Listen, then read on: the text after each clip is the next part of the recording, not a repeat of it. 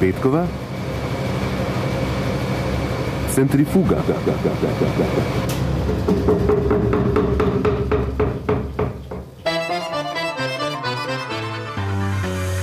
James Bond, agent britanske tajne službe s kodnim imenom Nič Nič 7, eden od simbolov hladne vojne, bi se 30 let po padcu Berlinskega zidu odlično znašel.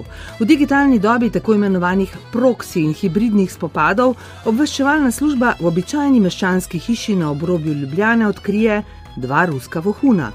Agenta ruske obveščevalne službe SRV z argentinskim potnim listom, speča agenta.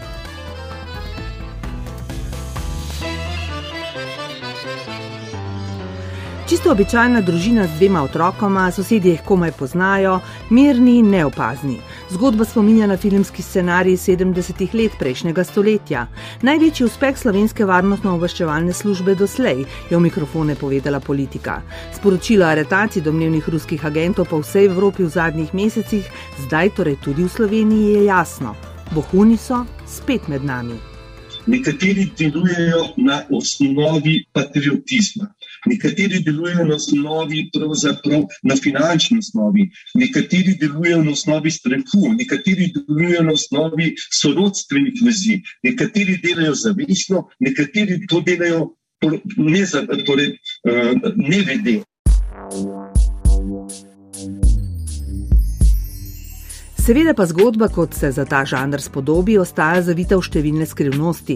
Ne vemo, kaj sta počela vohuna v Sloveniji, ali sta pokrivala tudi sosednje države, s kom sta bila v stikih in povezavah, zakaj ministrstvo ni poklicalo na zagovor ruskega veleposlanika, kot tudi lahko upravičeno dvomimo, da je zgodba čisto po naključju pricrljala v javnost. Jaz verjamem in trdim, da največji uspeh vrščevalnih služb so običajno tisti, ki niso poznani javnosti.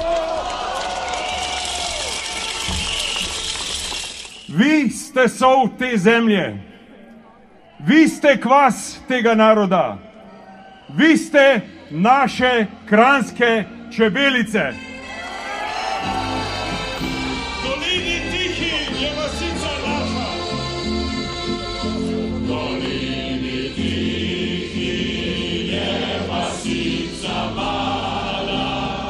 Odkritje vohunske celice sredi Ljubljane je za hip premaknilo pozornost naših tradicionalnih delitev, a so bile že dan kasneje spet tu.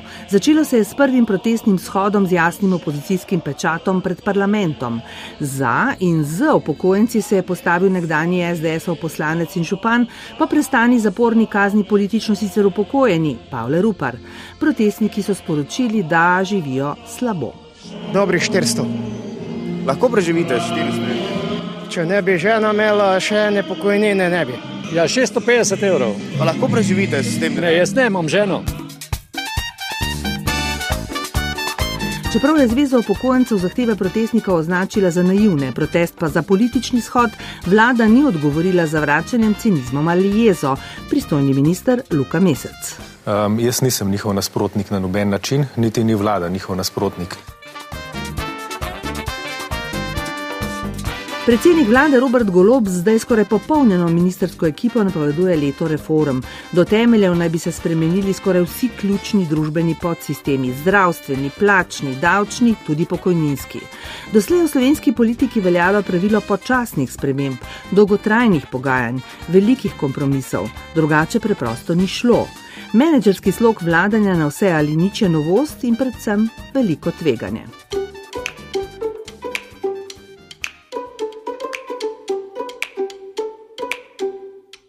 Bolj izkušeni bi političnim novincem svetovali previdnost in zadržanost. Še enkrat spomnimo na znano golobovo obljubo sodnikom in tožilcem, da bodo v plači dobivali še 600 evrov. In to bo dodatek, po katerem vsi dobite ne procentualno, ampak nominalno enako. To je 600 evrov bruto.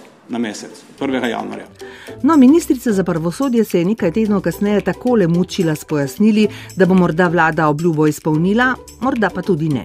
To moramo še premisliti in bomo videli, ali bo rešitev ostala takšna, kot je, ali bo prilagojena, ali pa jo bomo, upam, da ne, primorani vendarle reševati v okviru sistemske reforme. Se lahko podobni zapleti ponovijo pri napovedih silno kratkih rokov, ki si jih iz tedna v teden postavlja vlada. Ta teden so bile na vrsti plače v javnem sektorju. Naredili bomo vse, da se daljni sistem pajkove mreže po kateri kjerkoli v sistemu spremenimo eno samo plačo, to sproži val zahtev po celem sistemu, da se ta pajkova mreža, ta sistem v celoti in dokončno odpravi. Virantov sistem plač v javnem sektorju, ki so jo vlade, leve in desne, obdržale dobrih 15 let zato, da stroški za plače niso sesuli državne blagajne, torej odhaja na smetišče zgodovine. Načrti, da sistem postavi na novo, so sicer logični, vprašanje pa je, ali so tudi realni. Takšna je napoved enega od sindikalnih vodij. Je pa po moje iluzija, da se zaposleni in z njimi tudi njihovi sindikati ne bodo primerjali več med seboj, eh, eh, zato ker bojo v nekih ločenih stebrih. Ne. Namreč ta argument je naiven tudi zaradi tega, ker smo mi v preteklosti to že imeli. Naivnost je oznaka, ki jo prekaljeni pogajalci najpogosteje uporabljajo za poteze političnih novincev. Skrbi predvsem dejstvo, da je že nekaj časa pogrešan finančni minister, drugi najpomembnejši človek v vladi. Obljube so poceni, njihovo resničitev pa ne. Kaj torej razmišlja varuh državne blagajne? Tako je na vprašanje, ali bodo javne finance zdržale povišanje plač, v odmevih odgovarjala kar ministrica za javno upravo. Da.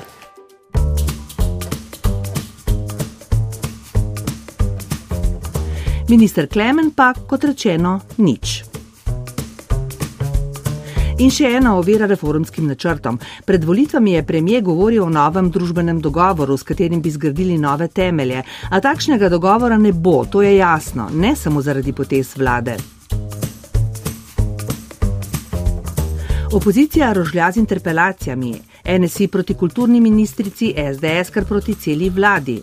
Čeprav je spor med opozicijskima strankama očiten, sta v nasprotovanju vladi enotni. Dokaz. Nacionalna RTV, v kateri se, čeprav je od referenduma minilo že nekaj mesecev, prav nič ni spremenilo.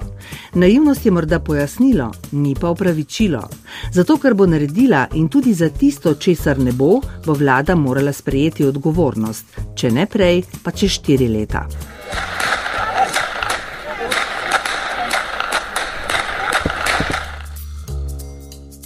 Smo že omenili naše tradicionalne delitve?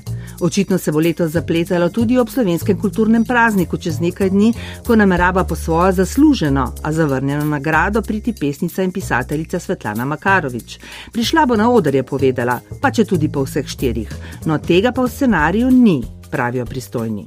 Ne, ona verjetno lahko bo na prireditvi, če jo je protokol povabil. Mhm. Če ima vstopnico, na prireditev pridejo povabljenci. Uh. -huh. Mi seveda računamo, da se povabljenci kot povabljenci tudi obnašajo. Uh. -huh. Se pravi, je pa na odru ne pričakujete, se pravi, tega ni v scenariju. Ne, tega ni v scenariju.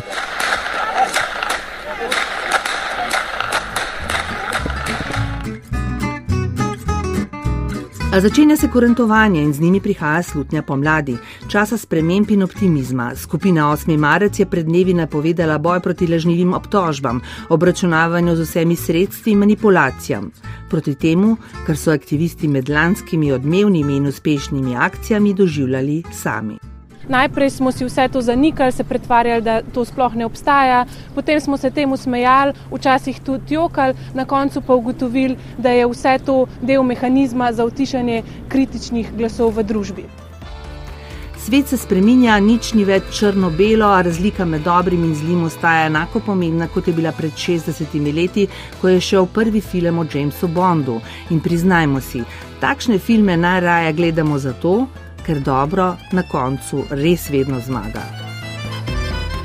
Perilo so tokrat oprali Klara Otorepec in Tanja Starič. Pa srečno!